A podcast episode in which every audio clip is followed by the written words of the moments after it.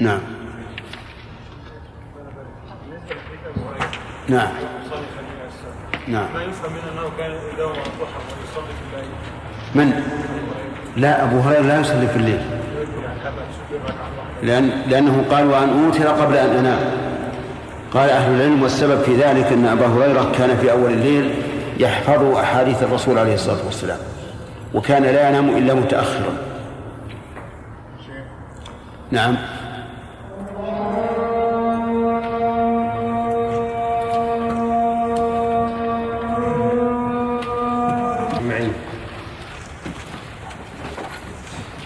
قال الإمام مسلم رحمه الله تعالى في باب استحباب صلاة الضحى وأن أقلها ركعتان وأكملها ثمان وأكملها ثمان ركعات وأوسطها أربع ركعات أو ست والحث على المحافظة عليها. وحدثنا محمد بن المثنى وابن بشار قال حدثنا محمد بن جعفر قال حدثنا شعبة عن عمرو بن مرة عن عبد الرحمن بن أبي ليلى قال ما أخبرني أحد أنه رأى النبي صلى الله عليه وسلم يصلي الضحى إلا أم هانئ فإنها حدثت أن النبي صلى الله عليه وسلم دخل بيتها يوم يوم فتح مكة فصلى ثماني ركعات ما رأيته صلى صلاة قط أخف منها غير أنه كان يتم الركوع والسجود. ولم يذكر ابن ولم يذكر ابن بشار في حديثه قوله قط.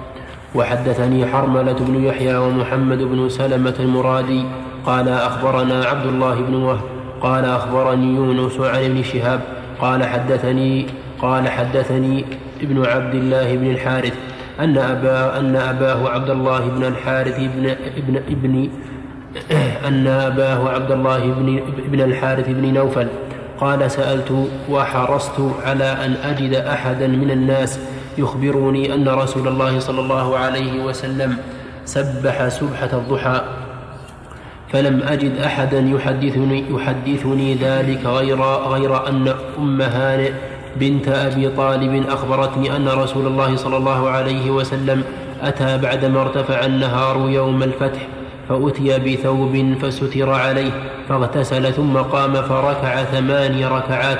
لا أدري أقيامه فيها أطول أم ركوعه أم سجوده كل ذلك منه متقارب. قالت فلم أره سبحها قبل ولا بعد. قال المرادي قال المرادي عن يونس ولم يقل أخبرني. حدثنا يحيى بن يحيى قال قرأت على مالك عن أبي النضر أن أبا مرة مولى أم هانئ بنت أبي طالب أخبره أنه سمع أم هانئ أن أنه سمع أم هانئ بنت أبي طالب تقول ذهبت إلى رسول الله صلى الله عليه وسلم عام الفتح فوجدته يغتسل وفاطمة ابنته تستره بثوب قالت فسلمت فقال من هذه؟ قلت أم هانئ بنت أبي طالب قال مرحبا بأم هانئ فلما فرغ من غسله قام فصلى ثماني ركعات ملتحفا في ثوب واحد. فلما انصرف قلت يا رسول الله زعم ابن أمي علي بن أبي طالب أنه قاتل أنه قاتل رجلا أجرته فلان فلان بن هبيرة. فقال رسول الله صلى الله عليه وسلم قد أجرنا من أجرت يا أم هانئ؟ قالت أم هانئ وذلك ضحى. وحدثني حجاج بن الشاعر. قال حدثنا معل بن أسد قال حدثنا وهيب بن خالد عن جعفر بن محمد عن أبيه عن أبي مرة مولى عقيل عن أم هانئ أن رسول الله صلى الله عليه وسلم صلى في بيتها عام الفتح ثمان ركعات في ثوب واحد قد خالف ما عندنا واحد. نعم. في ثوب واحد قد خالف. عندكم واحد؟ نعم. ما عندي؟ في ثوب واحد قد خالف بين طرفيه. بسم الله الرحمن الرحيم. هذا الحديث ساقه المؤلف رحمه الله في تكملة الأحاديث الواردة في ركعتي الضحى. وقد سبق لنا أن القول الراجح أن سنة الضحى سنة دائما سنة, سنة دائما وأن العلماء في ذلك ثلاثة أقوال لكن هذا هو القول الراجح. ساق حديث أم هانئ رضي الله عنها أخت علي بن أبي طالب أن النبي صلى الله عليه وسلم صلى في بيتها ضحى يوم الفتح ثماني ركعات.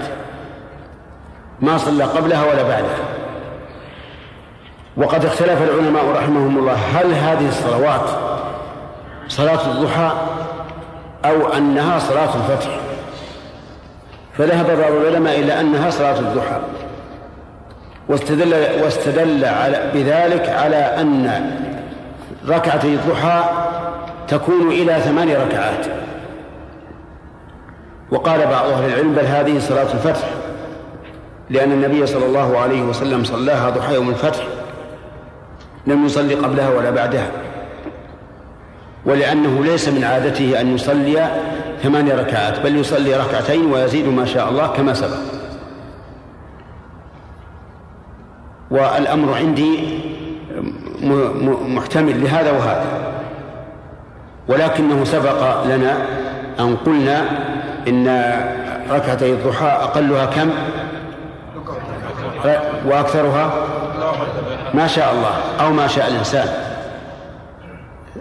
أربع ركعات ست ركعات ثمان ركعات عشر ركعات. كل هذا داخل في في سنة الضحى.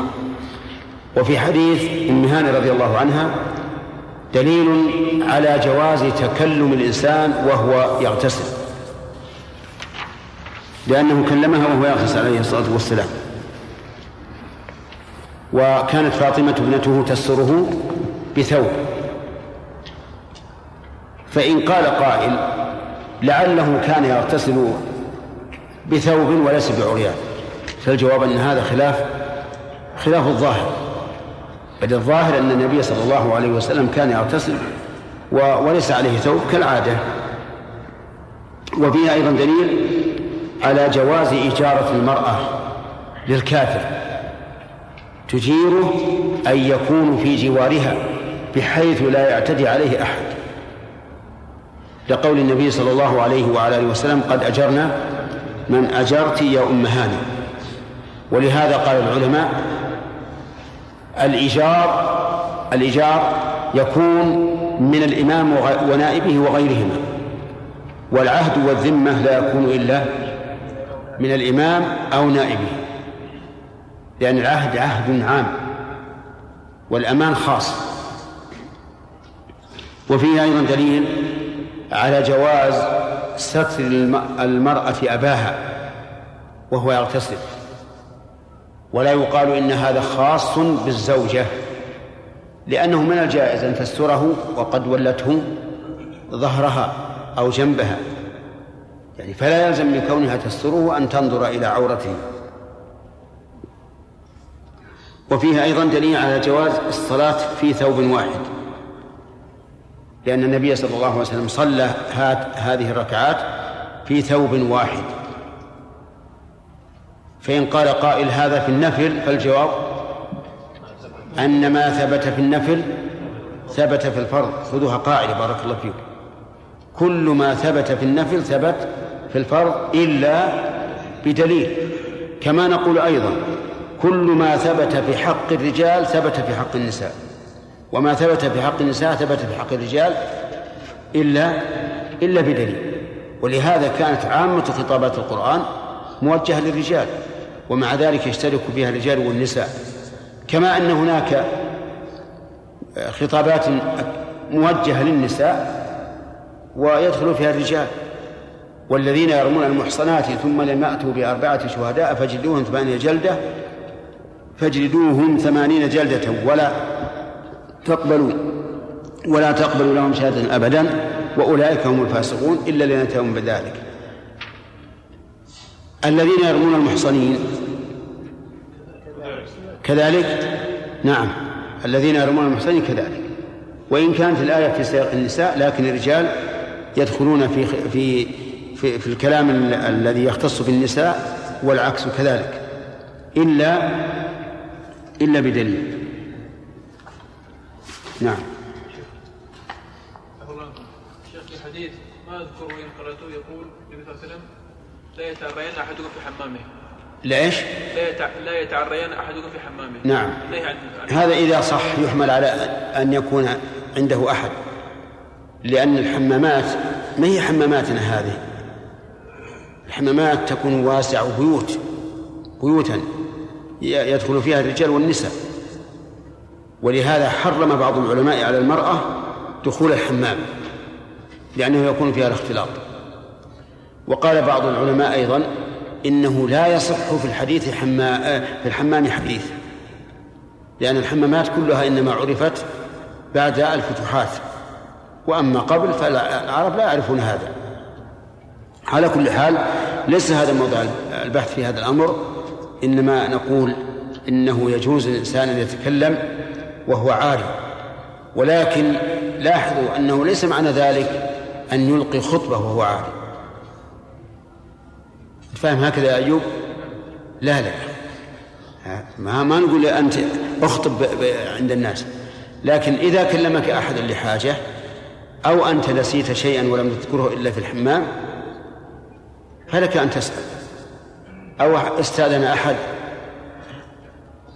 فقلت أنا في الحمام أو ما أشبه ذلك. المهم لحاجة. أما أن نقول إنه جائز بحيث أن الإنسان نعم يمسك صحيفة ويتحدث منها هذا ما هو صحيح. نعم. تصريح بعض الرواة عن أم هانئ بأن الصلاة صلاة ضحى. نعم. تصريح بعض الرواة عن أم هانئ بعض إيش؟ بعض الرواة نعم. بأن الصلاة كانت صلاة الضحى لا يقوم القول بأنها صلاة وين؟ عبد الرحمن بن أبي ليلى. ها؟ عبد الرحمن بن أبي ليلى. هنا في, في, في الأصل؟ سبحان الله. في أي الألفاظ الأول ولا الثاني؟ أول حديث. نعم. أنه رأى النبي يصلي الضحى. إيه؟ هل هل معناه يصلي صلاة الضحى أو يصلي في الضحى؟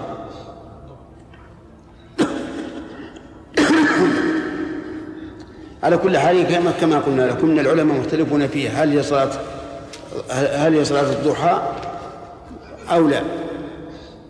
وأنا متوقف. نعم. عليه ليس فيه جواز تسليم المرأة على الأجنبي؟ بلى لكن مو على كل أجنبي. سلام المرأة على الأجنبي إذا كان بينه وبينها معرفة كهذه بنت عمه يعرفها من من, من زمان لأنه كان عاش عاش في بيت أبي طالب. فهذا لا بأس. وكذلك امرأة الجيران مثلا لو جاءت إلى البيت ودخلت البيت وهي عند أهلك لا بأس أن تقول كيف أنت يا أم فلان وما أشبه ذلك.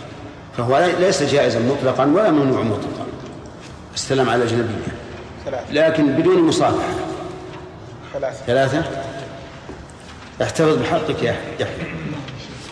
نعم.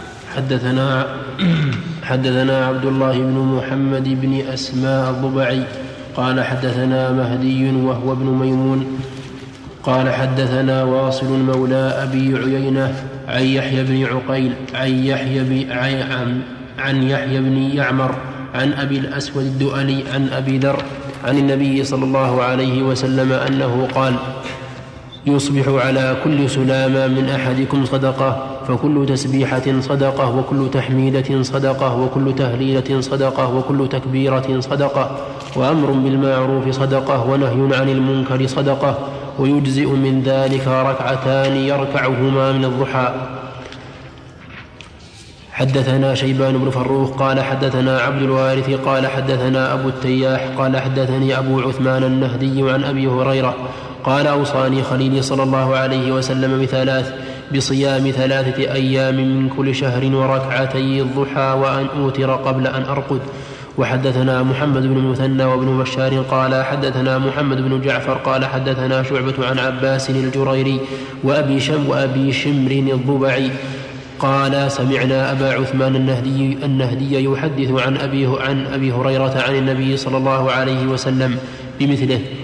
وحدثني وحدثني سليمان بن معبد قال حدثنا معل بن أسد قال حدثنا عبد العزيز بن مختار عن عبد الله الداناج قال حدثني أبو رافع الصائغ قال سمعت أبا هريرة قال أوصاني خليلي أبو القاسم صلى الله عليه وسلم بثلاث فذكر مثل حديث أبي عثمان عن أبي هريرة.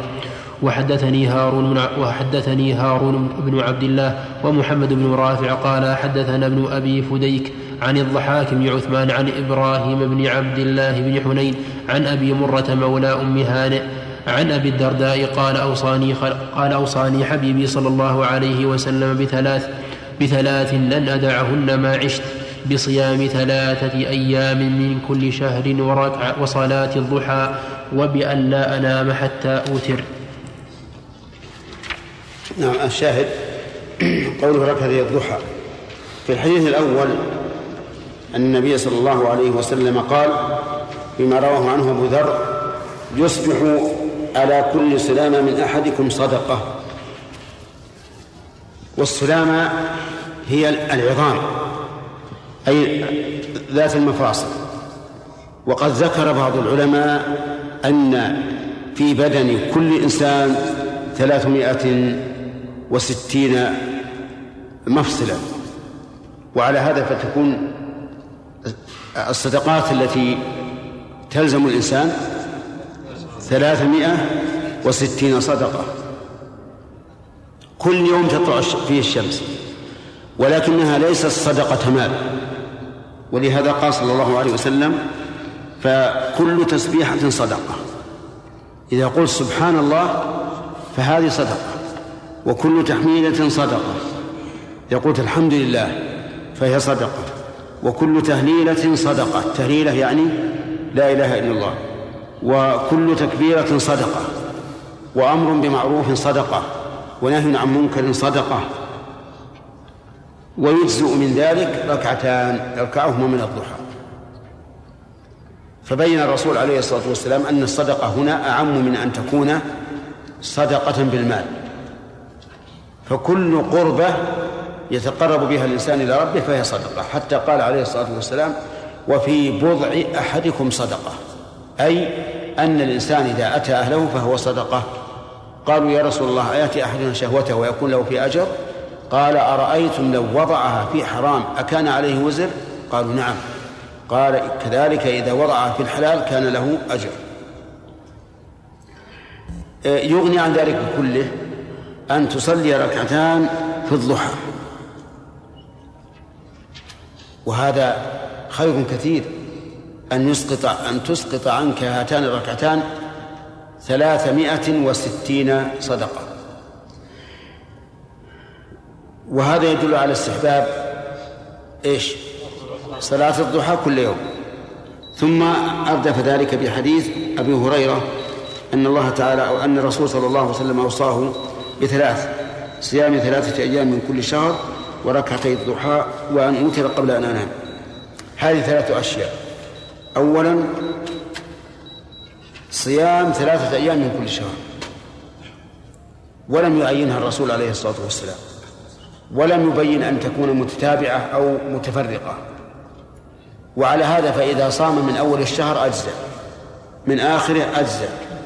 من وسطه أجزأ. يوما ويوما أجزأ. أول يوم من الشهر وآخر يوم من الشهر والخامس عشر من الشهر. يجزي أيضا لأن الحديث مطلق. وقالت عائشة كان رسول الله صلى الله عليه وعلى آله وسلم يصلي يصوم من كل شهر ثلاثة أيام ولا يبالي أصامها من أول الشهر أو وسطه أو آخره. ولكن الأفضل أن تكون في الثالث عشر والرابع عشر والخامس عشر أي في أيام البيض. فكونها في أيام البيض ليس شرطا لكونها سنة. بل هو على سبيل الأفضلية. كما نقول مثلا الصلاة في أول وقتها أفضل من الصلاة إيش؟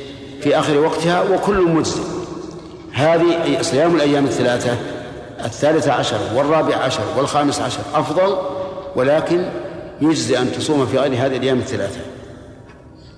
وركعتي الضحى وهذا هو الشاهد. أوصاه بركعتي الضحى. ووقتها من ارتفاع الشمس قيد رمح إلى قبيل الزوال. والثالثة أن أوتر قبل أن أنام.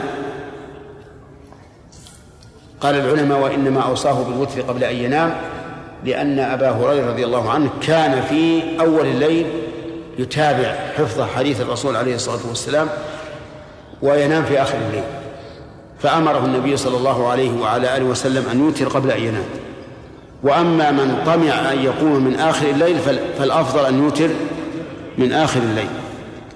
وفي هذا الحديث إشكال وهو أنه قال أوصاني خليلي بثلاث أوصاني خليلي. فكيف يقول خليلي والنبي صلى الله عليه وسلم قال إني أبرأ وأن يكون لي منكم خليل؟ نعم يجوز للإنسان أن يتخذ الرسول صلى الله عليه وسلم أما الرسول فلا يكون نعم. أن قوله خليلي يعني أن أبا هريرة اتخذه خليلا. وأما النبي صلى الله عليه وعلى آله وسلم فلم يتخذ أبا هريرة خليلا. بل قال لو كنت متخذا من أمتي خليلا لاتخذت أبا بكر.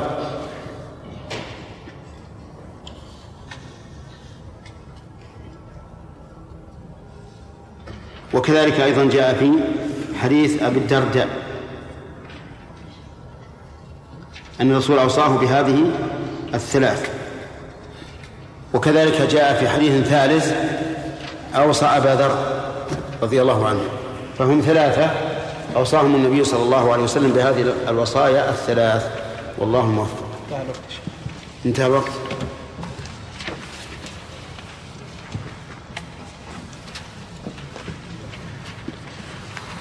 أهل البحرين عندكم أسئلة؟ نعم بارك الله فيكم. تفضل. آه، شيخنا كما تفضلتم آه، الأحكام التي تتعلق بالرجل تتعلق بالمرأة وذكرتم حكم آه، قذف المحصنات. فإن قذفت المرأة زوجها هل آه، يقاس حكمها على حكم الرجل الذي آه، يقذف امرأته؟ وإن قلت وإن كان الجواب بالتفريق فما الدليل؟ بارك الله فيكم على التفريق؟ نعم. هناك فرق بين الرجل إذا قذف امرأته والمرأة إذا قذفت زوجها.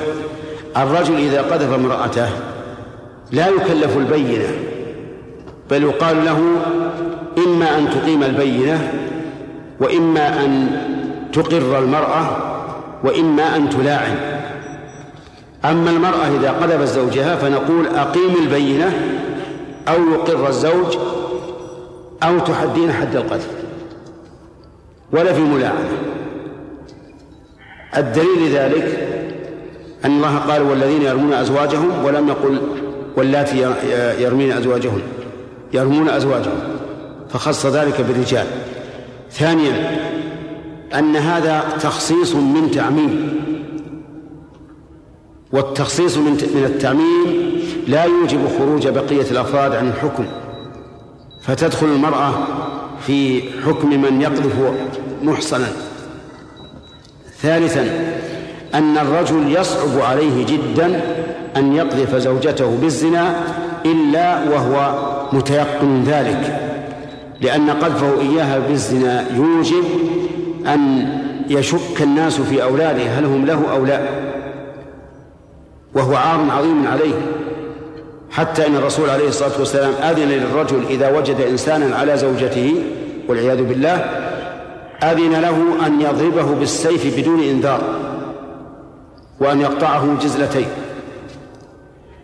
أما المرأة فلا يهمها أن ترمي زوجها بالزنا وربما تتهمه لكثره الوساوس عندها وتريد أن تتخلص منه فتقول لنا للحاكم أقم بيني وبينه الملاعنة حتى ألاعنه وأتخلص منه.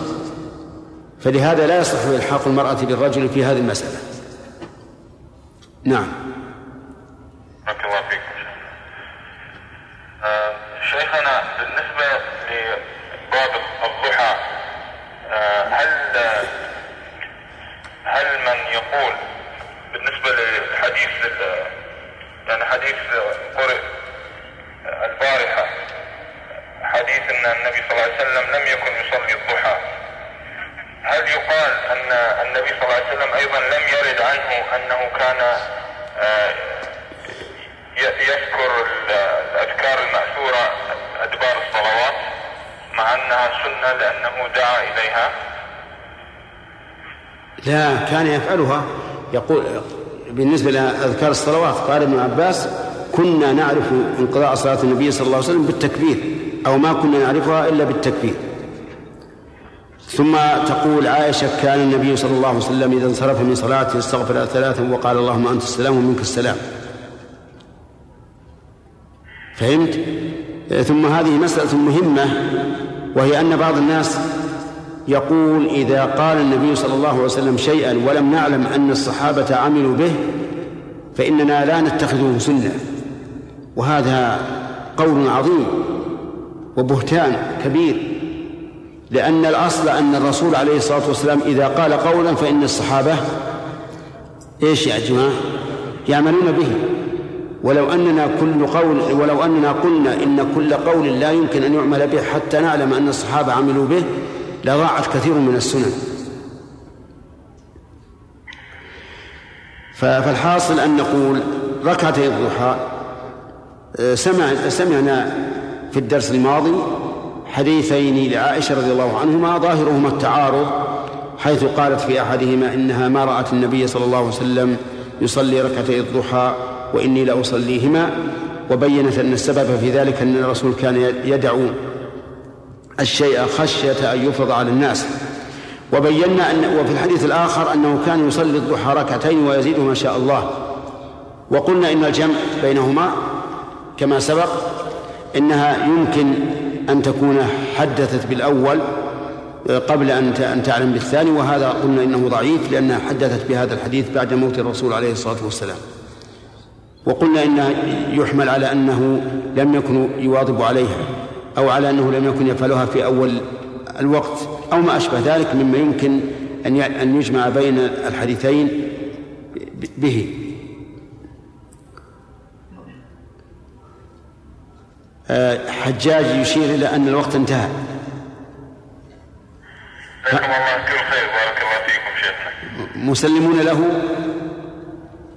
وهي كما أردتم الأمر إليكم شيخنا لكننا نحن لا نرد الخير المجال عندنا مفتوح للأسئلة عندنا أسئلة كثيرة. لا. كما تأمرون؟ يا يا أخ عادل بارك الله فيكم أقول لا تدخلني بينك وبين حجاج وتقول الأمر إليك. هذا شيء بينكم. إذا الأمر إليكم وإلى الحجاج. طيب إن شاء الله إلى غد. والسلام عليكم ورحمة الله وبركاته.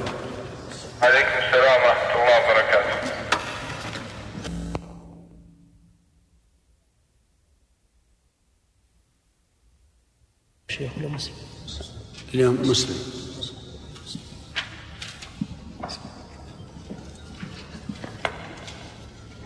بسم الله الرحمن الرحيم. الحمد لله رب العالمين وصلى الله وسلم على عبده ورسوله نبينا محمد وعلى آله وصحبه أجمعين. قال الإمام مسلم رحمه الله تعالى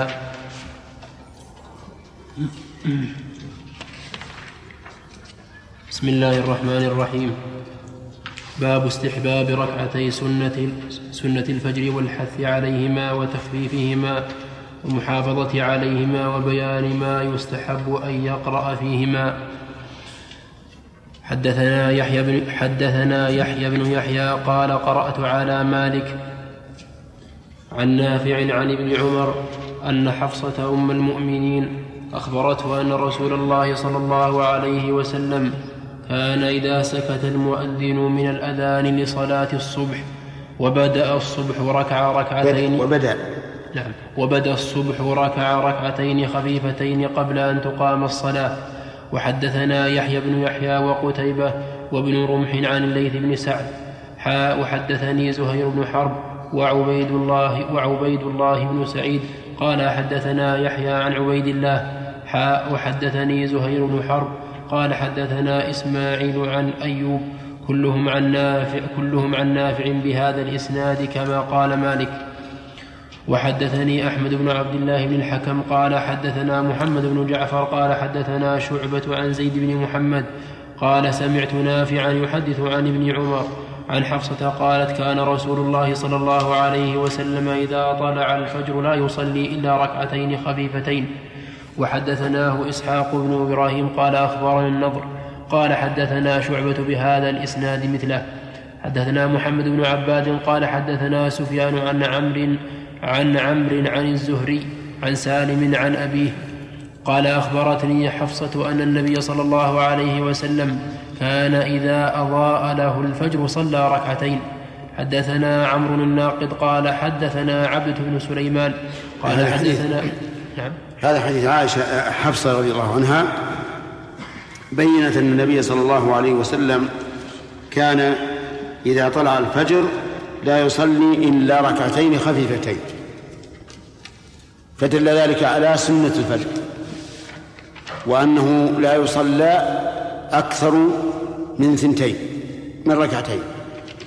ودل هذا على تخفيفهما لأن النبي صلى الله عليه وعلى آله وسلم كان يخففهما.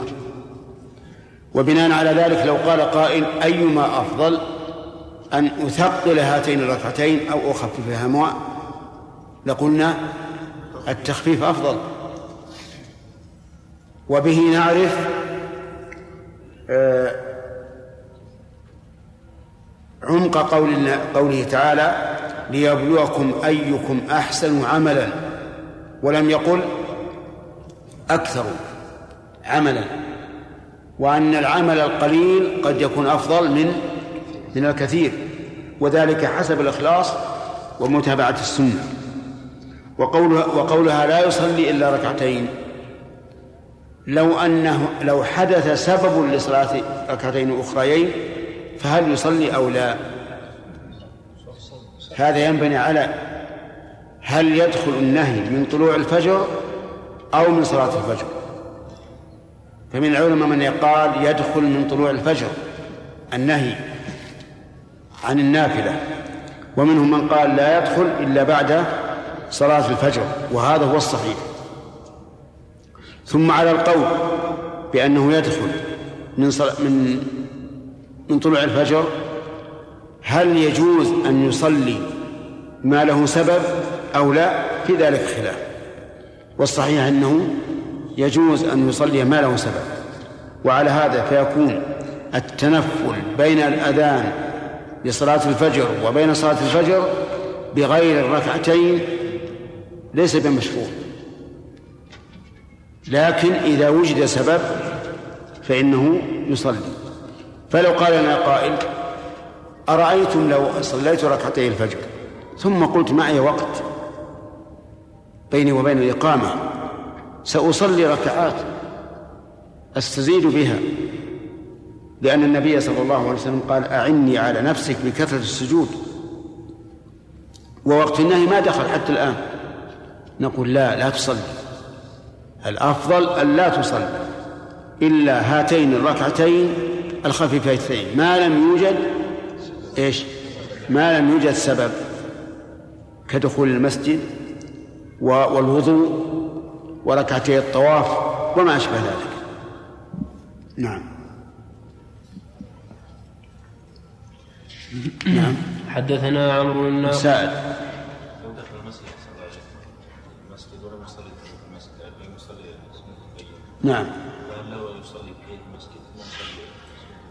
يقول لو دخل المسجد بعد الأذان وهو لم يصلي سنة الفجر فهل الأفضل أن يصلي أولا تحية المسجد ثم سنة الفجر أو يصلي سنة الفجر ويكتفي بها عن تحية المسجد. الجواب الثاني الأفضل أن يقتصر على سنة الفجر فيصليها وتسقط عنه تحية المسجد. أحسن الله إليكم. رجل صلى ركعتي الفجر في بيته ثم جاء إلى المسجد. ماذا يفعل؟ هل يعيدهما؟ أم لا ما لا يعيدها. يصلي على إيش؟ قلنا إذا كان له سبب يصليه يصلي على تحية المسجد. أحسن الله إليكم شيخ. التخفيف هل يشمل الركوع والسجود؟ إي نعم. يقول تخفيف الركعتين هل يشمل الركوع والسجود؟ نقول نعم. لأن القاعدة العامة أن الركوع والسجود تبع للقراءة. فقد كانت صلاة النبي صلى الله عليه وسلم كانت متناسقة متناسبة. إذا أطال القيام أطال الركوع والسجود وإن قصره قصر الركوع والسجود. نعم. حدثنا عمرو الناقد قال حدثنا عبد بن سليمان قال حدثنا هشام بن عروة عن أبيه عن عائشة قالت كان رسول الله صلى الله عليه وسلم يصلي يصلي ركع يصلي ركعتي الفجر. إذا سمع الأذان ويخففهما. وحدثنيه علي بن حجر قال حدثنا علي يعني يعني ابن مسهر حا وحدثناه أبو كريب قال حدثنا أبو أسامة. حا وحدثناه أبو بكر وأبو كريب وابن نمير عن عبد الله بن نمير. حا وحدثناه عمرو الناقد قال حدثنا وكيع. كلهم عن هشام بهذا الإسناد. وفي حديث أبي أسامة إذا طلع الفجر. وحدثناه محمد بن المثنى قال حدثنا ابن أبي عدي عن هشام عن يحيى عن أبي سلمة عن عائشة أن نبي الله صلى الله عليه وسلم كان يصلي ركعتين بين النداء والإقامة من صلاة الصبح. وحدثنا محمد بن المثنى قال حدثنا عبد الوهاب قال سمعت يحيى بن سعيد قال أخبرني محمد بن عبد الرحمن أنه سمع عمرة تحدث عن عائشة أنها كانت تقول كان رسول الله صلى الله عليه وسلم يصلي ركعتي الفجر فيخفف حتى إني أقول حتى إني أقول هل قرأ فيهما بأم القرآن؟ حدثنا عبيد الله بن معاذ قال حدثنا أبي قال حدثنا شعبة عن محمد بن عبد الرحمن الأنصاري أنه سمع عمرة بنت عبد الرحمن عن عائشة قالت كان رسول الله صلى الله عليه وسلم إذا طلع الفجر صلى ركعتين. أقول هل يقرأ فيهما بفاتحة الكتاب؟ وحدثني زهير, زهير هذا يدل على شدة التخفيف. نعم. وحدثني زهير بن حرب قال حدثنا يحيى بن سعيد عن ابن جريج قال حدثني عطاء عن عبيد عن عبيد بن نمير عن عائشة أن النبي صلى الله عليه وسلم لم يكن على شيء من النوافل أشد معاهدة منه على ركعتين قبل الصبح. وحدثنا أبو بكر بن أبي شيبة وابن نمير. قوله قبل الصبح أي قبل صلاة الصبح. وليس المراد قبل الفجر؟ نعم. وحدثنا أبو بكر بن أبي شيبة وأبو وابن نمير جميعا عن حفص بن غياث. قال ابن نمير حدثنا حفص عن ابن جريج عن عطاء عن عبيد بن عمير عن عائشة أنها قالت ما رأيت رسول الله صلى الله عليه وسلم في شيء من النوافل أسرع منه إلى الركعتين قبل الفجر. حدثنا محمد بن عبيد الغبري. قال حدثنا أبو عوانة عن عن قتادة عن زرارة بن أوفى عن سعد بن هشام عن عائشة عن النبي صلى الله عليه وسلم. قال عن عن النبي صلى الله عليه وسلم أنه قال ركعة الفجر خير من الدنيا وما فيها. وحدثنا يحيى بن حبيب قال حدثنا معتمر قال قال أبي حدثنا قتادة, قتادة عن زرارة. عن سعد بن هشام عن عائشة عن النبي صلى الله عليه وسلم أنه قال في شأن الركعتين عند طلوع الفجر لهما أحب إلي من الدنيا جميعا. حدثني هذا أيضا فيه دليل على فضيلة هاتين الركعتين. وأن النبي صلى الله عليه وعلى آله وسلم كان يعتني بهما ويتعاهدهما. وقولها رضي الله عنها على شيء من النوافل هل المراد النوافل التابعة للمكتوبات أو أو النوافل عموما؟ يحتمل هذا وهذا. يحتمل أن يراد به النوافل أي الرواتب التابعة للمكتوبات. بدليل أنها ذكرت صلاة الفجر. ويحتمل النوافل عموما. وعلى هذا فتكون ركعة الفجر أفضل من الوتر. لشمول العموم للوتر. وهذا محل نظر. ولهذا اختلف العلماء رحمهم الله. هل الوتر أفضل من ركعتي الصبح أو لا؟ فمنهم من أخذ بالعموم وقال إن راتبة الصبح أفضل من النوافل. واستدل لذلك بأن النبي صلى الله عليه وسلم رغب فيها. وقال إنها خير من الدنيا وما فيها وهذا لم يأتي في الوتر. فإن قال قائل هل تصلى في السفر؟ فالجواب نعم لأنه ثبت عن النبي صلى الله عليه وعلى آله وسلم أنه كان لا يدعهما حضرا ولا سفرا.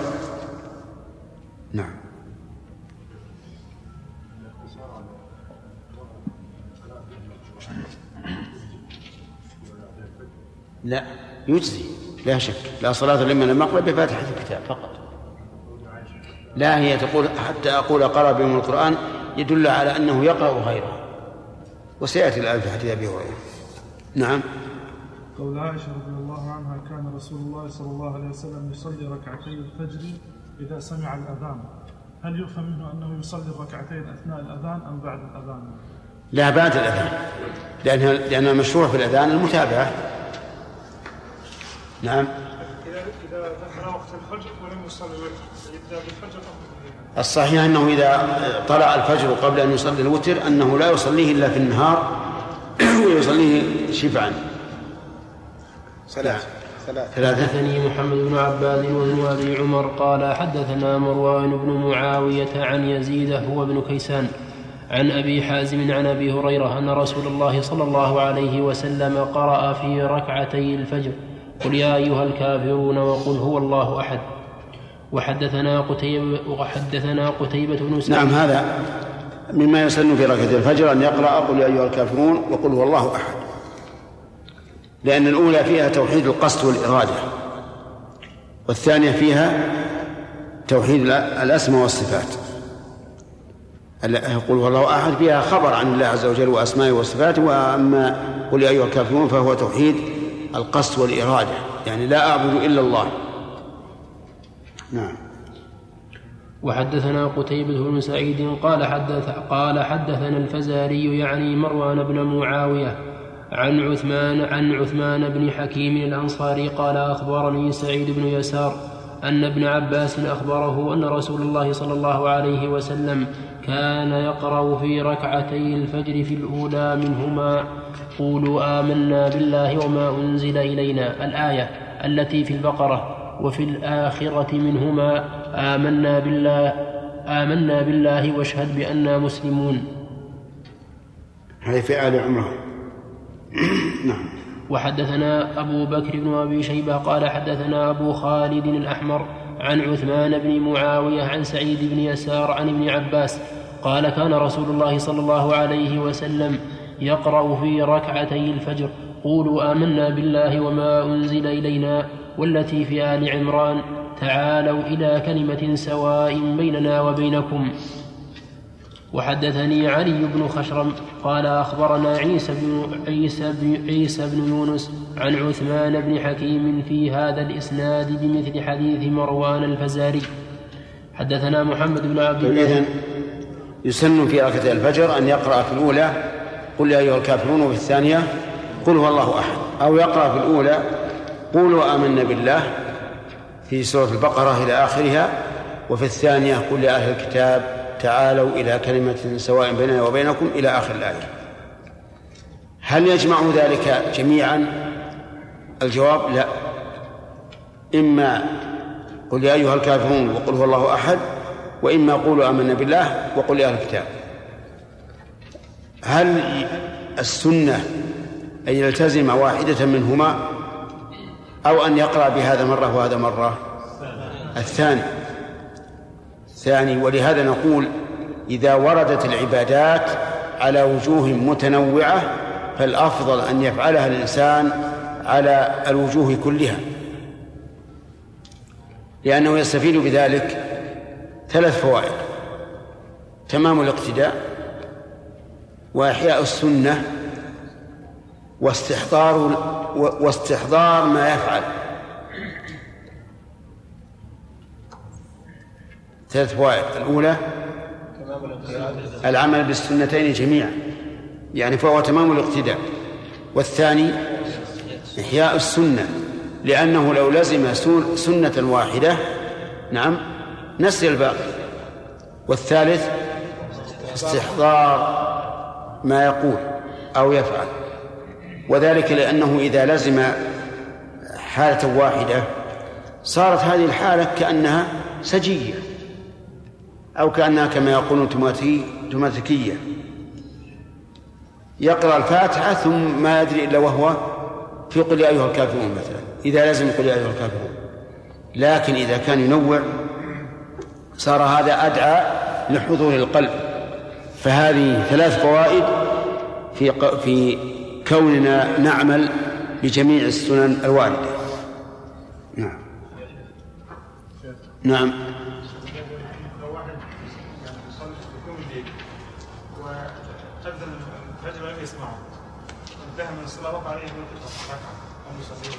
لكن عالم بالفجر. إذا ما سمع في الأصل بقاء الليل. الوتر شبه الساعة مثلا الساعة 4 يعني يعني لكن هل دخل في الوتر قبل أن يعلم بالأذان؟ لا عالم بالأذان بس هو مثلا لا أجل ما يمكن. إذا علم بالأذان ولو لم يبق من الوتر إلا ركعة واحدة فلا يوتر. نعم. الله يحفظك. هل يستفاد من الدوام الاستمرار النبي عليه السلام على الفعل على الوجوب مع العلم النبي عليه السلام إذا خشي أن يفترض عشان امته تركه نعم. قد يقول قائل هذا وقد يقول قائل آه، ليس كذلك. لكن في هذه المسألة ليس على الوجوب. يعني يكون الرسول يقرأ قل يا أيها الكافرون قل الله أحد أو قل آمنا بالله وقل أهل الكتاب لا يدل على الوجوب. لقوله صلى الله عليه وسلم لا صلاة لمن لم يقرأ بفاتحة الكتاب. فهذا نفي لوجوب أي سورة سوى الفاتحة. يقصد صلاة الفجر. ها؟ يقصد صلاة الفجر هو هو كذا. لأن لا صلاة عام سنة الفجر وصلاة الفجر وكل شيء. نعم. ظاهر حديث عائشة رضي الله عنها أن النبي صلى الله عليه وسلم كان يقرأ في ركعتين في الفجر بالسر يعني سرا نعم. ومفهوم حديث أبي هريرة أنه كان يقرأ بها جهرا. نعم. من جمع ما لا يلزم أن يكون قرأ بها جهرا لاحتمال أن الرسول أخبره بذلك. فلا يلزم. لو قال سمعته يقرأ صحيح. فلو فرضنا أن لفظ الحديث سمعته يقرأ لو فرضنا هذا فلا تعارض أيضا. فيقال أن الرسول عليه الصلاة والسلام جهر بها وسمع أبو هريرة وأصر ولم تسمعه عائشة. ثلاث نعم. وقت انتهى الوقت. نعم. فيما يقرأ في سنة الفجر.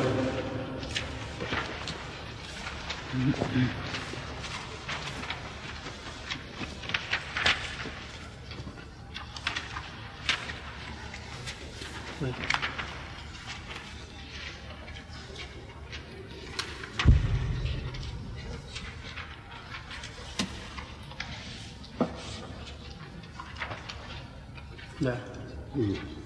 أقرأ شرح المسلم. نعم. شرح النووي. بسم الله الرحمن الرحيم. الحمد لله رب العالمين وصلى الله وسلم على عبده ورسوله نبينا محمد وعلى آله وصحبه أجمعين. قال النووي رحمه الله تعالى قوله قرأ في ركعتي الفجر قل يا أيها الكافرون وقل هو الله أحد. وفي الرواية الأخرى قرأ الآيتين قولوا آمنا بالله وما أنزل إلينا وقل يا أهل الكتاب تعالوا. هذا دليل لمذهبنا ومذهب الجمهور أنه يستحب أن لا لا اللي قبله اللفظ اللي قبله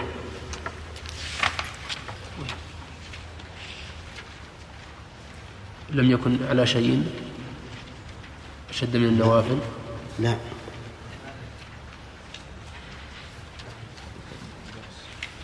وش اللي قبل الحديث اللي- كان قوله الحديث الأصل الأصل. نعم الأصل. إيه؟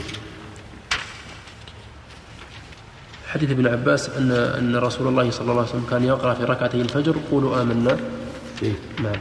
نعم. واللي قبله حديث اقرأ اقرأ اقرأ قول آمين آه، قولوا آمنا بالله وما أنزل إلينا الآية التي في البقرة وفي الآخرة وفي الآخرة منهما آمن آمنا بالله واشهد بأننا مسلمون. نعم. بس. وحدثنا أبو بكر بن شيبة طيب. نبي شرح حديث هذا. ما تكلم عليه شيء ما تكلم عليه؟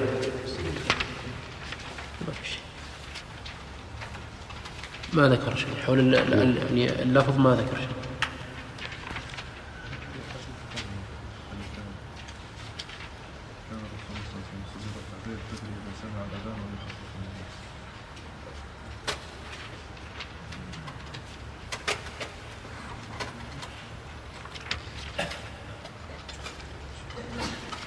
على كل حال الذي يظهر إن الآية الأولى تخالف اللفظ الثاني. اللفظ الثاني يقول أما الثانية التي في ال عمران تعالوا إلى كلام سواء بيننا وبينكم.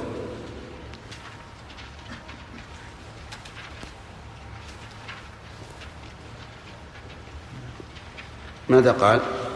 نعم. اقرأ الشرح اقرا الشرح النووي. إيه. قال وفي الرواية الأخرى قرأ الآيتين قولوا آمنا بالله وما أنزل إلينا وقل يا أهل الكتاب تعالوا. قال هذا دليل لمذهبنا ومذهب الجمهور أنه يستحب أن يقرأ فيهما بعد الفاتحة سورة ويستحب أن يكون أن يكون هاتان السورتان أو الآيتان آه نعم ويستحب أن يكون هاتان السورتان أو الآيتان كلاهما سنة. وقال مالك جمهور أصحابه لا يقرأ غير الفاتحة. وقال بعض السلف لا يقرأ شيئا كما سبق وكلاهما خلاف خلاف هذه السنة الصحيحة التي لا معارض لها. فقط بس. طيب ما ذكر شيء. على كل حال لا شك إن اللي يقرأ إما قل يا أيها الكافرون في الأولى وفي الثانية قل هو الله أحد. وإما قولوا آمنا بالله وما أنزل إلينا إلى آخر الآية في سورة البقرة وقل لأهل الكتاب تعالوا إلى كلمة سواء بيننا وبينكم إلى آخر الآية في ال في آل عمران. نعم. درس ذي بسم الله الرحمن الرحيم. الحمد لله رب العالمين وصلى الله وسلم على عبده ورسوله نبينا محمد وعلى آله وصحبه أجمعين. قال الإمام مسلم رحمه الله تعالى باب باب فضل باب فضل السنن الراتبة قبل الفرائض وبعدهن وبيان عددهن. حدثنا محمد بن عبد الله بن نمير قال حدثنا أبو خالد يعني سليمان بن حيان عن داود بن أبي هند عن النعمان بن سالم عن عمرو بن أوس قال حدثني عنبسة بن أبي سفيان في مرضه الذي مات فيه بحديث يتسار يتسار إليه. قال سمعت أم حبيبة تقول سمعت رسول الله قال إيش؟ نعم. قال. قال سم قال سمعت أم حبيبة تقول أم حبيبة قال سمعت أم حبيبة تقول سمعت رسول الله صلى الله عليه وسلم يقول من صلى اثنتي عشرة ركعة في يوم وليلة بني له بهن بيت في الجنة. قالت أم حبيبة فما تركتهن منذ سمعتهن من رسول الله صلى الله عليه وسلم. وقال عنبسة فما تركتهن منذ سمعتهن من أم حبيبة. وقال عمرو بن أوس ما تركتهن منذ سمعتهن من عنبسة. وقال النعمان بن سالم ما تركتهن منذ سمعتهن من عمرو بن أوس. حدثنا أبو غسان حدثنا أبو غسان المسمعي قال حدثنا بشر بن قال حدثنا بشر بن المفضل قال حدثنا داود عن النعمان بن سالم بهذا الإسناد. من صلى في يوم ثنتي عشرة ثنتي, ثنتي عشرة سجدة تطوعا بني له بيت في الجنة.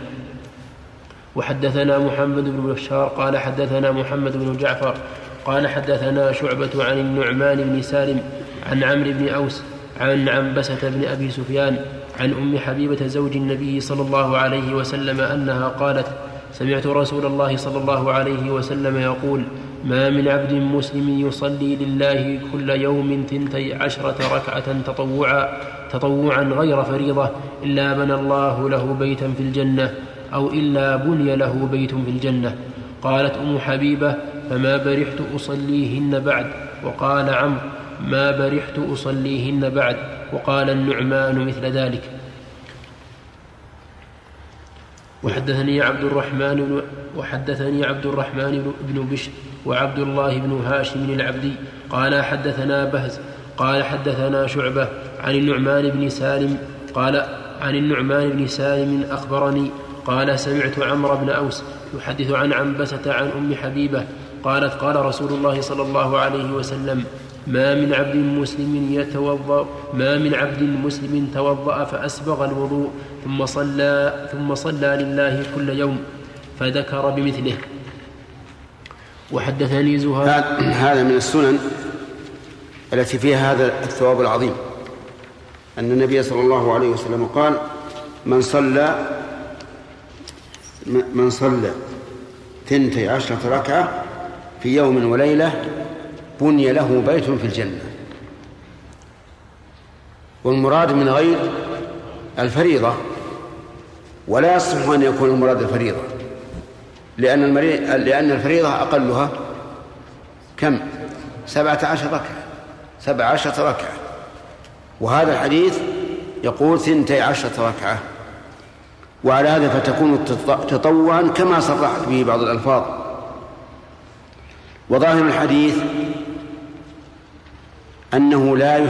أنه لا تشترط المحافظة على هذه الركعات وأن الإنسان إذا بناها إذا وأن الإنسان إذا صلاها يوما واحدا بنى الله له بيتا في الجنة.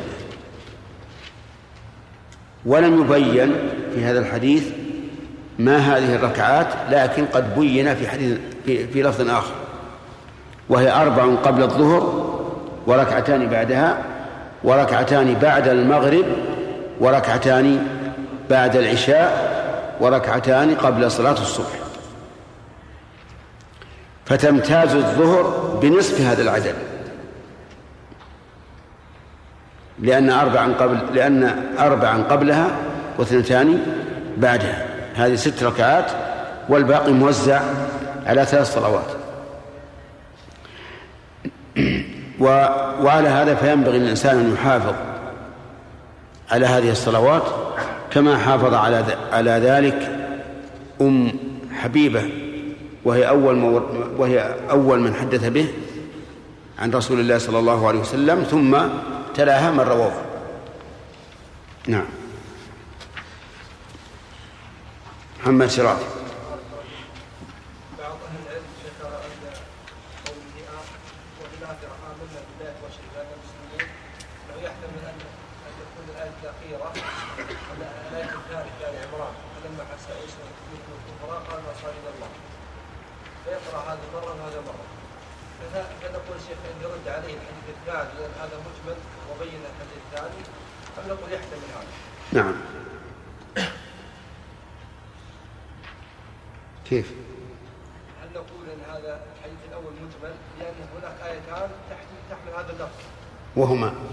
وهما قوله تعالى فلما حس عيسى من الكفر قال من انصار إلى الله؟ قال الحواري نحن انصار الله آمنا بالله وشهدنا مسلمين. نعم. والثاني قل تعالى. لكن قل تعالوا أبين. أبين وأظهر. لأنها فيها الدعوة إلى إلى إلى الإسلام دعوة الإسلام وأنهم إذا تولوا فإننا نعلن إسلامنا ولا هم نتوليهم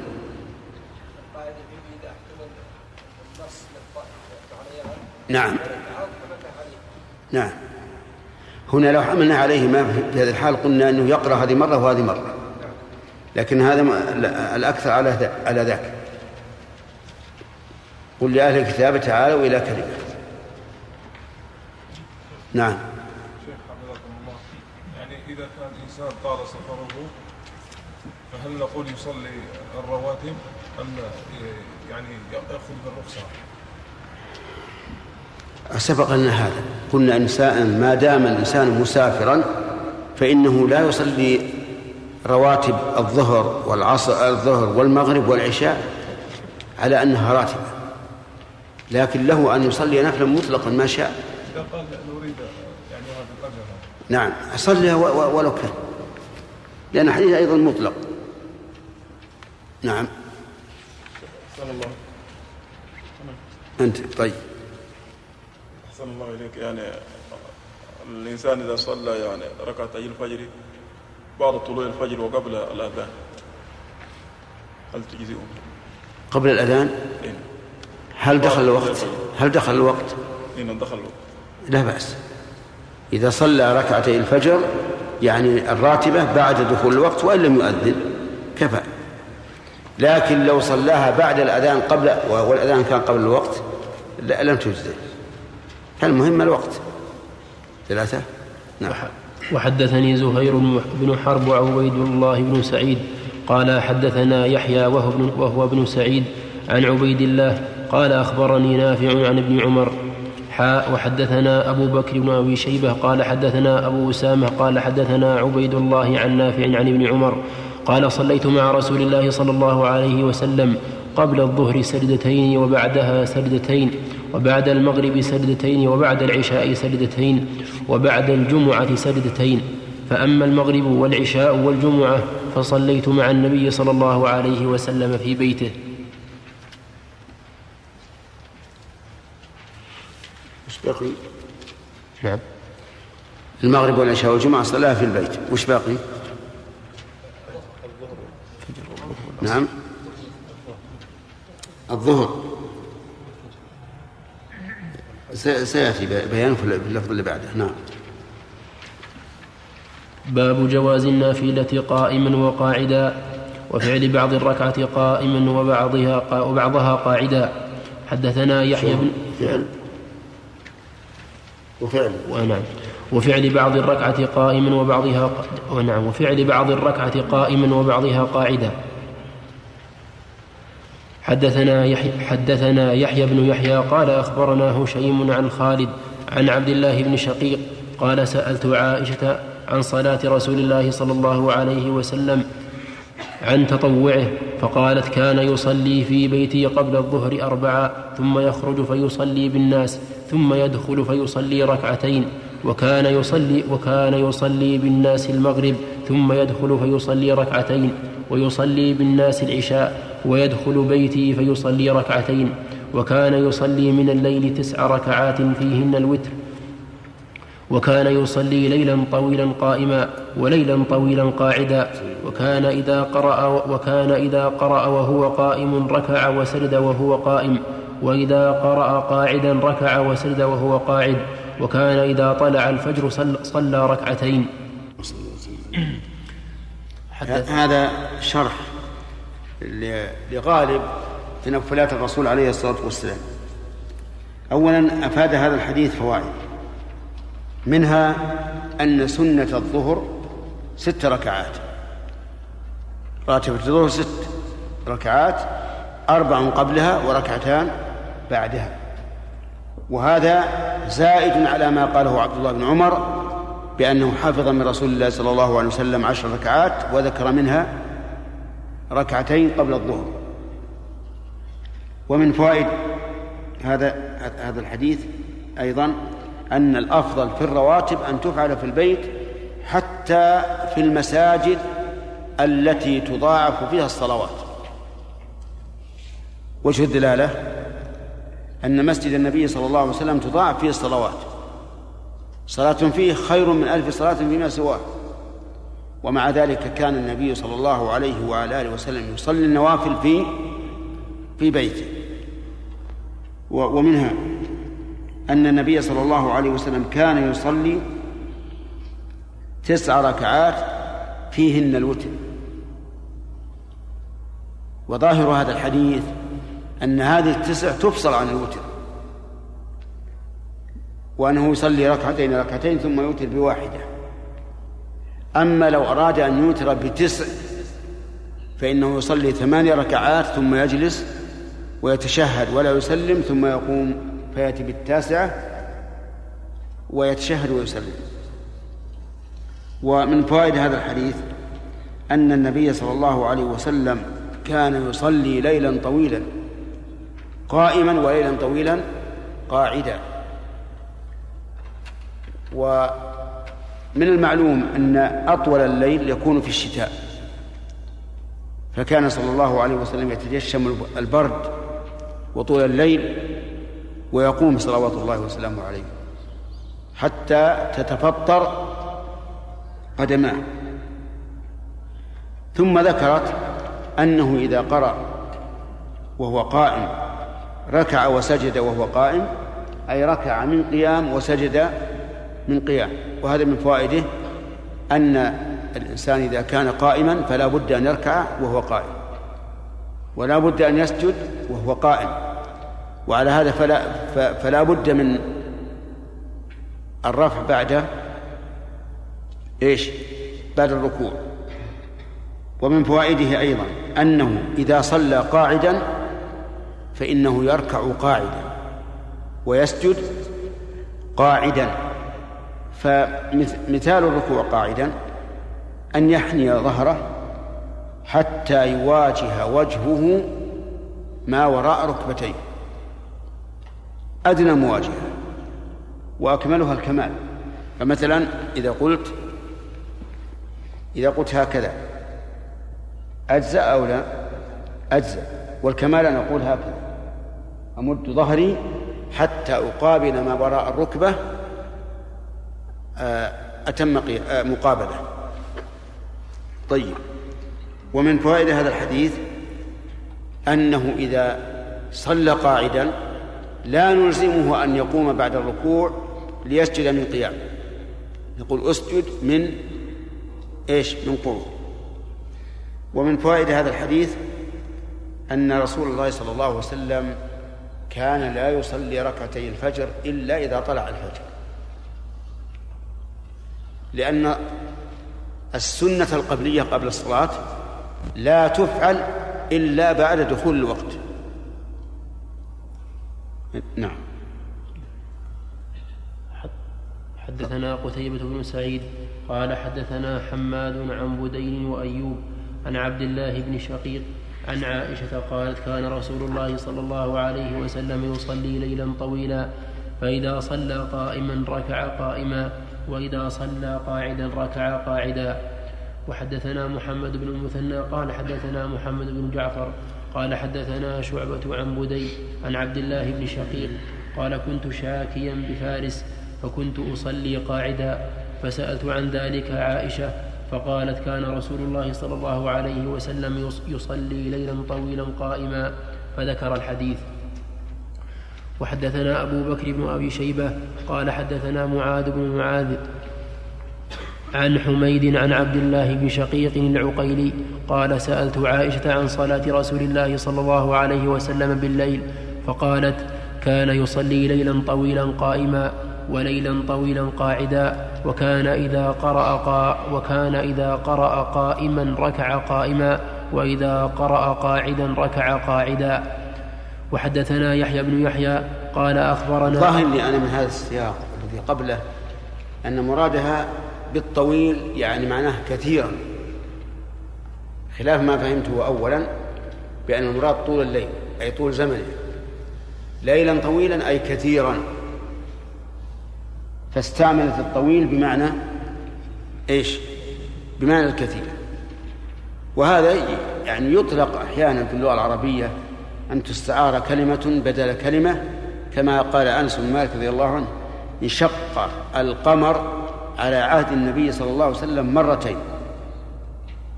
يفهم الإنسان من هذا التعبير؟ إيش؟ أنه مر مرتين يعني في في ليلتين وليس الأمر كذلك. بل المعنى بمرتين أي فرقتين كما تفسره الروايات الأخرى. فهنا الطويل المعروف أن الطويل هو الامتداد أن الطول هو الامتداد وأن المراد بالليل الطويل هو ليل الشتاء كما قررناه أولا. لكن تبين لي من سياق الحديث أن المراد بقوله ليلا طويلا أي ليلا كثيرا يعني أحيانا كثيرة يصلي قائما أحيانا كثيرة يصلي قاعدا. ومن المعلوم أنه عليه الصلاة والسلام لم يكن يصلي قاعدا إلا حين ثقل وأخذ اللحم. وأما لما كان نشيطا وقبل أن يكثر فيه اللحم فكان يصلي قائما. نعم.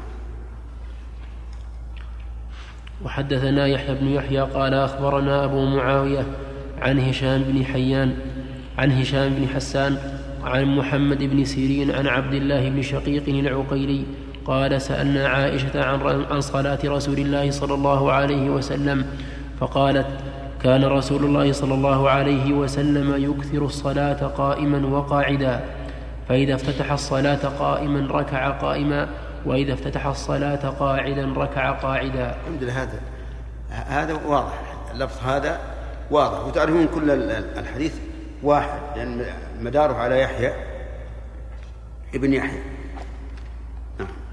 وحدثني أبو الربيع الزهراني قال أخبرنا حماد يعني يعني ابن زيد حاء قال وحدثنا حسن بن الربيع قال حدثنا مهدي بن ابن ميمون حاء وحدثنا أبو بكر بن أبي شيبة قال حدثنا وكيع حاء وحدثنا أبو كريب قال حدثنا ابن حدثنا ابن, ابن نمير جميعا عن هشام بن عروة حاء وحدثني زهير بن حرب واللفظ له قال قال حدثنا يحيى بن سعيد عن هشام بن عروة قال أخبرني أبي عن عائشة قالت ما رأيت رسول الله صلى الله عليه وسلم يقرأ في شيء من صلاة الليل جالسا حتى إذا, حتى إذا كبر قرأ جالسا حتى إذا بقي عليه من السورة ثلاثون أو أربعون آية قام فقرأهن ثم ركع.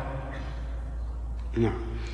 أفادنا هذا الحديث أن الرسول صلى الله عليه وسلم كان في شبابه إيش؟ يصلي قائما. لكن لما كبر عليه الصلاة والسلام صار يصلي جالسا. وحينئذ نسأل هل نقول للإنسان ابتدئ الصلاة قائما؟ فإذا تعبت فاجلس أو نقول اجلس فإذا قاربت الركوع فقم. الثاني ولا الأول. على حسب على حسب الحديث اللي معكم يا جماعة. الحديث اللي معكم. أنت أنا الآن قد يكون اشتبه عليكم الأول والثاني.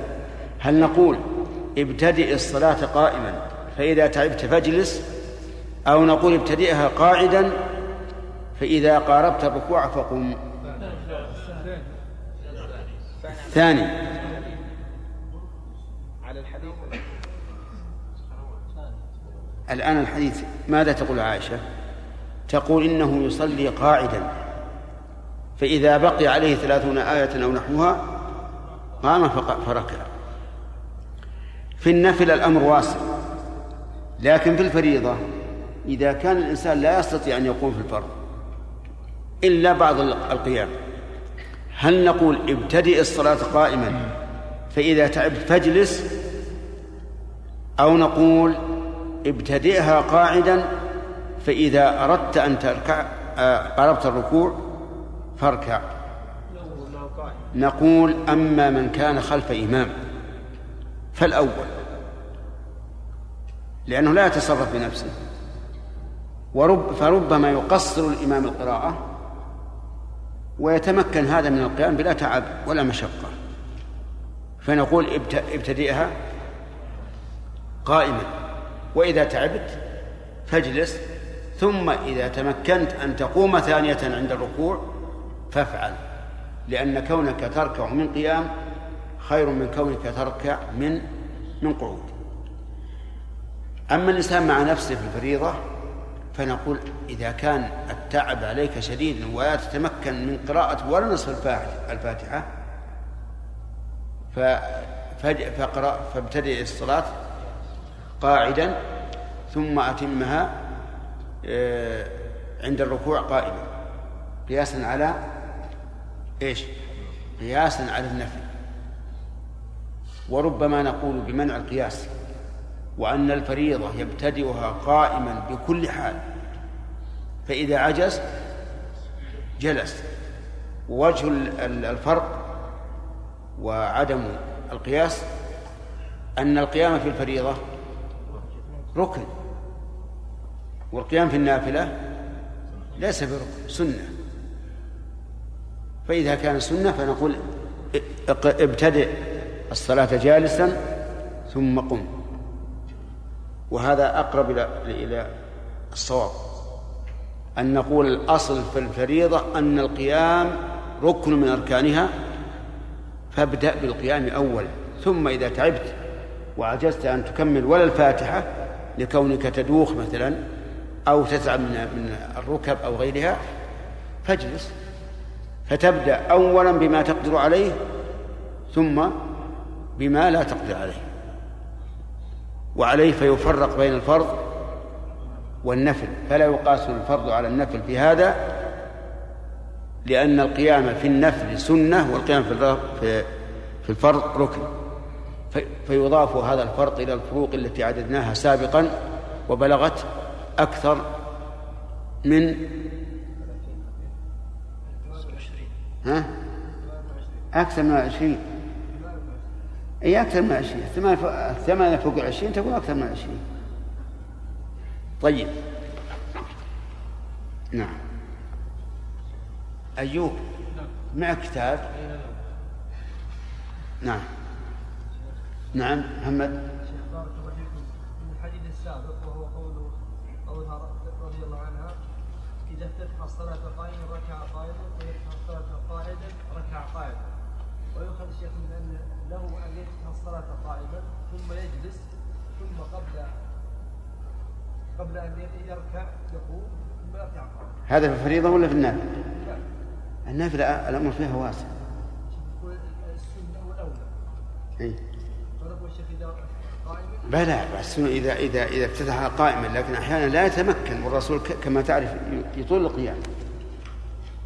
بدل من أن يقف ثم يجلس ثم يقف يبتدئها جالسا اذا كان الانسان يعني يحتمل لكن يتعب فنقول ابدا قائما ما دام الرسول قدوتنا وأسوتنا ويفعل هكذا نفعل كما فعل وهو الخير. نعم. كأنك ضعيف في رفع شوي ما في إشكال الحمد لله. نعم.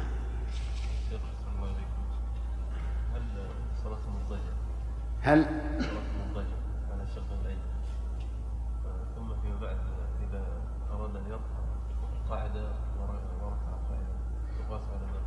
لا. أصلا لا يجوز الإنسان اللي يقدر على على القعود أن يصلي مضطجعا. إيه، لابد ي- يبتدئها بكونه مضطجعا آه، قاعدا. نعم.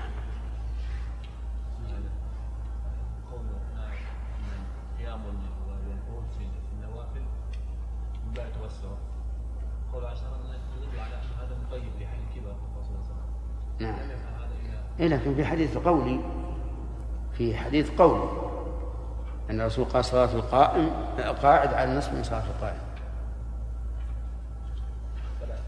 نعم. وحدثنا يحيى بن يحيى قال قرأت على مالك عن عبد الله بن يزيد وأبي النضر عن أبي سلمة بن عبد الرحمن عن عائشة أن رسول الله صلى الله عليه وسلم كان يصلي جالسا فيقرأ وهو جالس. فإذا بقي من قراءته قدر ما يكون, قدر ما يكون ثلاثين أو أربعين آية قام فقرأ وهو قائم ثم ركع ثم سجد ثم يفعل في الركعة الثانية مثل ذلك. حدثنا أبو بكر بن أبي شيبة وإسحاق بن, وإسحاق بن إبراهيم قال أبو بكر حدثنا إسماعيل بن علية عن الوليد بن أبي هاشم عن أبي بكر بن محمد عن أبي بكر بن محمد عن عمرو بن عن عن عمرة عن عائشة قالت كان رسول الله صلى الله عليه وسلم يقرأ وهو قاعد فإذا أراد أن يركع قام فإذا فإذا أراد أن يركع قام قدر ما يقرأ إنسان أربعين آية. وحدثنا ابن نمير قال حدثنا محمد بن بشر قال حدثنا محمد بن عمرو قال حدثني محمد بن إبراهيم عن علقمة, عن علقمة بن وقاص قال قلت لعائشة كيف كان يصنع رسول الله صلى الله عليه وسلم في الركعتين وهو جالس؟ قالت كان يقرأ فيهما فإذا أراد أن يركع قام قام فركع. وحدثنا يحيى بن يحيى قال أخبرنا يزيد بن زريع عن سعيد عن سعيد عن سعيد الجريري عن عبد الله بن شقيق قال قلت لعائشة هل كان النبي صلى الله عليه وسلم يصلي وهو قاعد؟ قالت نعم بعدما حطمه الناس. وحدثنا عبيد الله بن معاذ قال حدثنا أبي قال حدثنا كهمس عن عبد الله بن شقيق قال قلت لعائشة قوله حطمه الناس يعني أنه كبرهم. وكانوا بالنسبة إليه شبابا أقوياء. فهو بالنسبة إليهم محطوم. وليس المعنى أن الناس اعتدوا عليه ومثلا وضربوه وما أشبه ذلك لا. تريد أنه بعدما كبر وصار من أكبر الناس سنا هذا معنى حطمه الناس. نعم.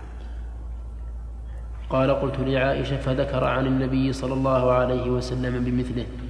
وحدثني محمد بن حاتم وهارون وهارون بن عبد الله قال حدثنا حجاج بن محمد قال قال قال ابن قال قال ابن جريج أخبرني عثمان بن أبي سليمان أن أبا سلمة بن عبد الرحمن أخبره أن عائشة أخبرته أن النبي صلى الله عليه وسلم لم يمت حتى كان كثير من صلاته وهو جالس. وحدثني محمد بن حاتم وحسن وحسن الحلواني كلاهما عن زيد. قال حس قال حسن حدثنا زيد بن الحباب قال حدثني الضحاك بن عثمان قال حدثني عبد الله عبد الله بن عروة عن أبيه عن عائشة قالت لما قالت لما بدن رسول الله صلى الله عليه وسلم وثقل كان أكثر صلاته جالسا. حدثنا يحيى حدثنا يحيى بن يحيى قال قرأت على مالك عن ابن شهاب عن السائب بن يزيد عن المطلب بن عن المطلب بن وداعة السهمي عن حفصة أنها قالت ما رأيت رسول الله صلى الله عليه وسلم صلى في سبحته قاعدا حتى كان قبل وفاته بعام فكان يصلي في سبحته قاعدا وكان يقرأ بالسورة فيرتلها حتى تكون أطول من أطول منها. وحدثني أبو الطاهر وحدثني أبو الطاهر وحرملة. تبين الآن أن سنة الرسول عليه الصلاة والسلام وأخذ اللحم قبل وفاته بنحو بنحو عام. فعائشة ذكر ذلك بالوصف وحفصة ذكر ذلك بالوقت. نعم. وحدثني أبو الطاهر أبو الطاهر وحرملة قال أخبرنا ابن قال أخبرنا ابن وهب قال أخبرني يونس حاء وحدثنا إسحاق بن إبراهيم وعبد بن حميد قال أخبرنا عبد الرزاق قال أخبرنا معمر جميعا عن الزهري بهذا الإسناد مثله غير أنهما قال بعام واحد أو اثنين. وحدثنا أبو بكر بن أبي شيبة قال حدثنا عبيد الله بن موسى عن حس عن عن حسن بن صالح عن سماك قال أخبرني جابر, جابر بن سمرة أن النبي صلى الله عليه وسلم لم يمت حتى صلى قاعدا. وحدثني زهير بن حرب قال حدثنا جرير عن منصور عن هلال بن يساف عن أبي يحيى عن عبد الله بن عمرو قال حدثت أن رسول الله صلى الله عليه وسلم قال صلاة الرجل قاعدا نصف, نصف الصلاة. قال فأتيته فوجدته يصلي جالسا فوضعت يدي فوضعت يدي على رأسه فقال ما لك يا عبد الله بن عمرو؟ قلت حدثت يا رسول الله أنك, أنك قلت صلاة الرجل قاعدا على نصف الصلاة وأنت تصلي قاعدا. قال أجل ولكني لست كأحد منكم. وحدثناه أبو بكر بن أبي شيبة ومحمد بن المثنى وابن بشار وابن بشار جميعا عن محمد بن جعفر عن شعبة. حاء وحدثنا وحدثنا ابن المثنى قال حدثنا يحيى, يحيى بن سعيد قال حدثنا سفيان كلاهما عن منصور بهذا الإسناد وفي رواية شعبة عن أبي يحيى الأعرج في هذا الحديث حديث عبد الله بن عمرو أن الصلاة أن صلاة القاعد على النصف من صلاة القائم وهذا ثبت بالسنة إيش؟ القولية والفعلية؟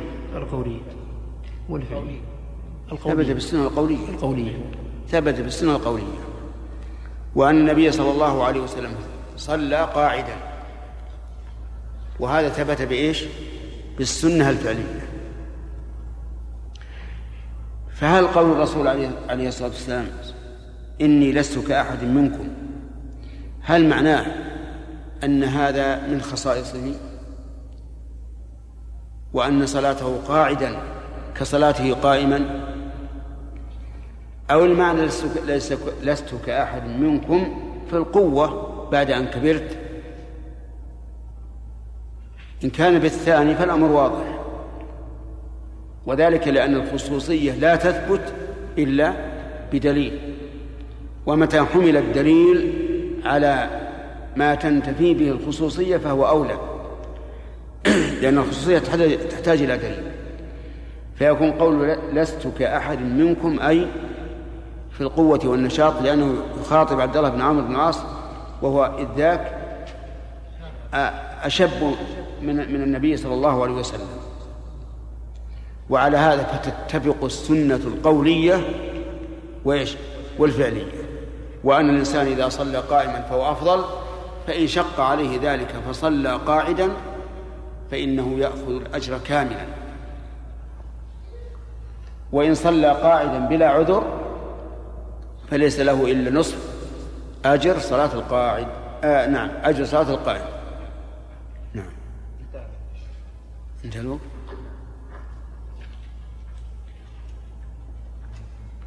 كم 53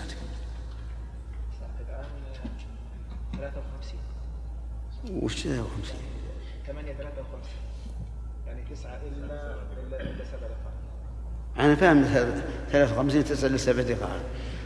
لكن بالتوقيت العربي البيت العربي الآن 3 3 إلى 7 دقائق. ثلاثة إلى سبع دقائق. اثنين اثنين اثنين ونص إلى 7 دقائق. اثنين ونص؟ لا. أنا عندي الآن بالعربي اثنين اثنين إلى 7 لا اثنين. عندي اثنين بالعربي. إيه ها؟ الساعة الآن اثنين. أقول ما فيها تقديم؟ ما فيها تقديم. لأن اليوم أظنها على 56 بالوقت ولا لا؟ لا على 52 52 وقت ال- ال- الزواج على 52 الغروب. الغروب كم؟ ساعة كم الغروب؟ الغروب على 6 52 ستة. وأن الركعة صلاة صحيحة. حدثنا يحيى بن يحيى قال قرأت على مالك عن ابن شهاب عن عروة عن عائشة أن رسول الله صلى الله عليه وسلم كان يصلي بالليل إحدى عشرة ركعة يوتر منها بواحدة فإذا فرغ منها اضطجع على شقه الأيمن حتى يأتيه المؤذن في فيصلي ركعتين خفيفتين. وحدثني حرمان. كان الرسول صلى الله عليه الصلاة والسلام يصلي في الليل إحدى عشرة ركعة منها الوتر. وسيأتي إن شاء الله أنه يزيد على ذلك ركعتين أخرين. فيكون تكون صلاته في الليل إما إحدى عشرة وإما ثلاثة عشرة. وحدثني حرملة بن يحيى قال حدثنا ابن وهب قال أخبرني عمرو بن الحارث عن ابن شهاب عن ابن شهاب عن عروة بن الزبير عن عائشة زوج النبي صلى الله عليه وسلم أنها قالت كان رسول الله صلى الله عليه وسلم يصلي فيما بين أن يفرغ من صلاة العشاء وهي التي يدعو الناس العتمة إلى الفجر إحدى عشرة ركعة يسلم بين كل ركعتين ويوتر بواحدة. فإذا سكت المؤذن من صلاة الفجر وتبين له الفجر وجاءه المؤذن قام فركع ركعتين خفيفتين ثم اضطجع على شقه الأيمن حتى يأتيه المؤذن للإقامة. وحدثنيه حرملة قال أخبرنا ابن وهب قال أخبرني يونس عن ابن شهاب بهذا الإسناد. وساق حرملة الحديث بمثله غير أنه لم يذكر وتبين له الفجر وجاء وجاءه المؤذن ولم يذكر الإقامة. وسائر الحديث بمثل حديث عمرو بم- بمثل حديث عمرو سواء. وحدثنا أبو بكر بن أبي شيبة. وفي هذا الحديث دليل على وهم من قال إن حديث عائشة يدل على أنه يصلي أربعا بتسليمة واحدة ثم أربعا بتسليمة واحدة ثم ثلاثة بناء على قوله على قوله رضي الله عنه رضي الله عنها حين سئلت كم كانت صلاة النبي صلى الله عليه وعلى آله وسلم في رمضان؟ قالت كان لا يزيد في رمضان ولا غيره على إحدى عشرة ركعة. يصلي أربعا فلا تسأل عن حسنهن وطولهن. ثم يصلي أربعا فلا تسأل عن حسنهن وطولهن. ثم يصلي ثلاثا. ففهم بعض الناس من هذا الحديث أنه يصلي أربعا بتسليم واحد. وقال هذا من السنة. وهذا وهم. لأنه غفل عن حديثها المفصل لهذه الإحدى عشرة حيث صرحت بأنه يسلم من كل ركعتين. وعلى هذا فيكون معنى قولها يصلي أربعا أنه يصلي أربعا ثم يستريح. ويدل لهذا قولها ثم يصلي أربعا وثم تدل على الترتيب بمهلة. ول- ولذلك كان السلف إذا صلوا أربع ركعات استراحوا ثم استأنفوا الصلاة. فسميت الصلاة تراويح لهذا السبب. نعم. أما الحديث الثاني أنه كان يصلي إحدى عشرة نعم. قوله يا شيخ أحسن عليك نعم. قولها وتبين له يصلي من الليل ثلاثة عشرة ركعة. عشرة يوتر من ذلك بخمس. فهذه صفة أخرى. يصلي ثلاثة عشرة ركعة. يوتر بخمس. وعلى هذا فيكون ثلاث ركعات آه ثلاث تسليمات. ست ركعات كل ركعتين بتسليمة. ويبقى كم؟ دقيقة. ويبقى خمسة ويبقى خمس يجعلها وترا. فالثلاث عشرة يقول بعض العلماء إن المراد بها التسليمتين الركعتين الركعتان الخفيفتان اللتان يبدأ بهما صلاة الليل. لأن الرسول صلى الله عليه وسلم كان يستفتح صلاة الليل بركعتين خفيفتين. نعم. والسؤال؟ قول هو تبين له الفجر. نعم. يعني المراد به يعني الإسفار. إيه تبين ظهر يعني. الإسفار. إيه نعم. لكن مو بالإسفار الكامل الذي يملأ البيوت. يعني التبين يعني المهم تبين اتضح. نعم.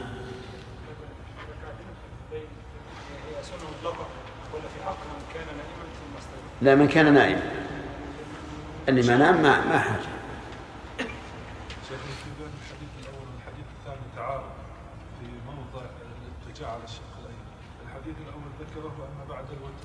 كيف؟ في الحديث الأول ذكر أن الاتجاه على الشق الأيمن يكون بعد الوتر إذا فرغ من الوتر.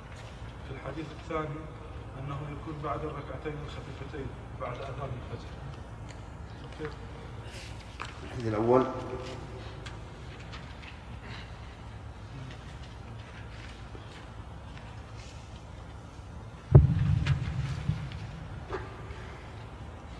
فإذا فرغ منها اضطجع على شقين حتى يأتي المؤذن فيصلي الخلفتين نعم. إيه، إيه، ظاهر هذا أنه كان يفعل, يفعل هذا مرة وهذا مرة. يعني أحيانا يضطجع بعد الوتر وأحيانا يضطجع بعد ركعتي الفجر. نعم. وحدثنا أبو بكر بن أبي شيبة وأبو كريب قال حدثنا عبد الله بن نمير حاء وحدثنا ابن نمير. في هذين الحديثين دليل على أن اللفظ كان لا تأتي للدوام بكل حال بل الغالب أنها للدوام.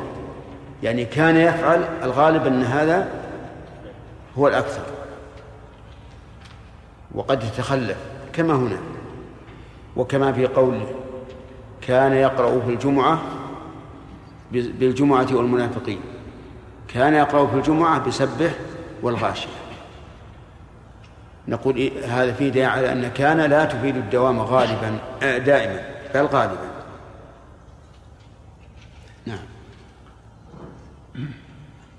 وحدثنا أبو بكر بن أبي شيبة وأبو كريب قال حدثنا عبد الله بن نمير حاء وحدثنا ابن نمير قال حدثنا أبي قال حدثنا هشام عن أبيه عن عائشة قالت كان رسول الله صلى الله عليه وسلم يصلي من الليل ثلاث عشرة ركعة يوتر من ذلك بخمس لا يجلس في شيء لا لا يجلس في شيء إلا في آخرها. وحدثنا أبو بكر بن أبي شيبة قال حدثنا عبدة بن سليمان حاء وحدثناه أبو كريب قال حدثنا وكيع وأبو أسامة كلهم عن هشام بهذا الإسناد. وحدثنا قتيبة حدثنا قتيبة بن سعيد قال حدثنا ليث عن يزيد, عن يزيد بن أبي حبيب عن عراك بن مالك عن عراك بن مالك عن عن عروة أن عائشة أخبرته أن رسول الله صلى الله عليه وسلم كان يصلي ثلاث عشرة ركعة بركعتي الفجر.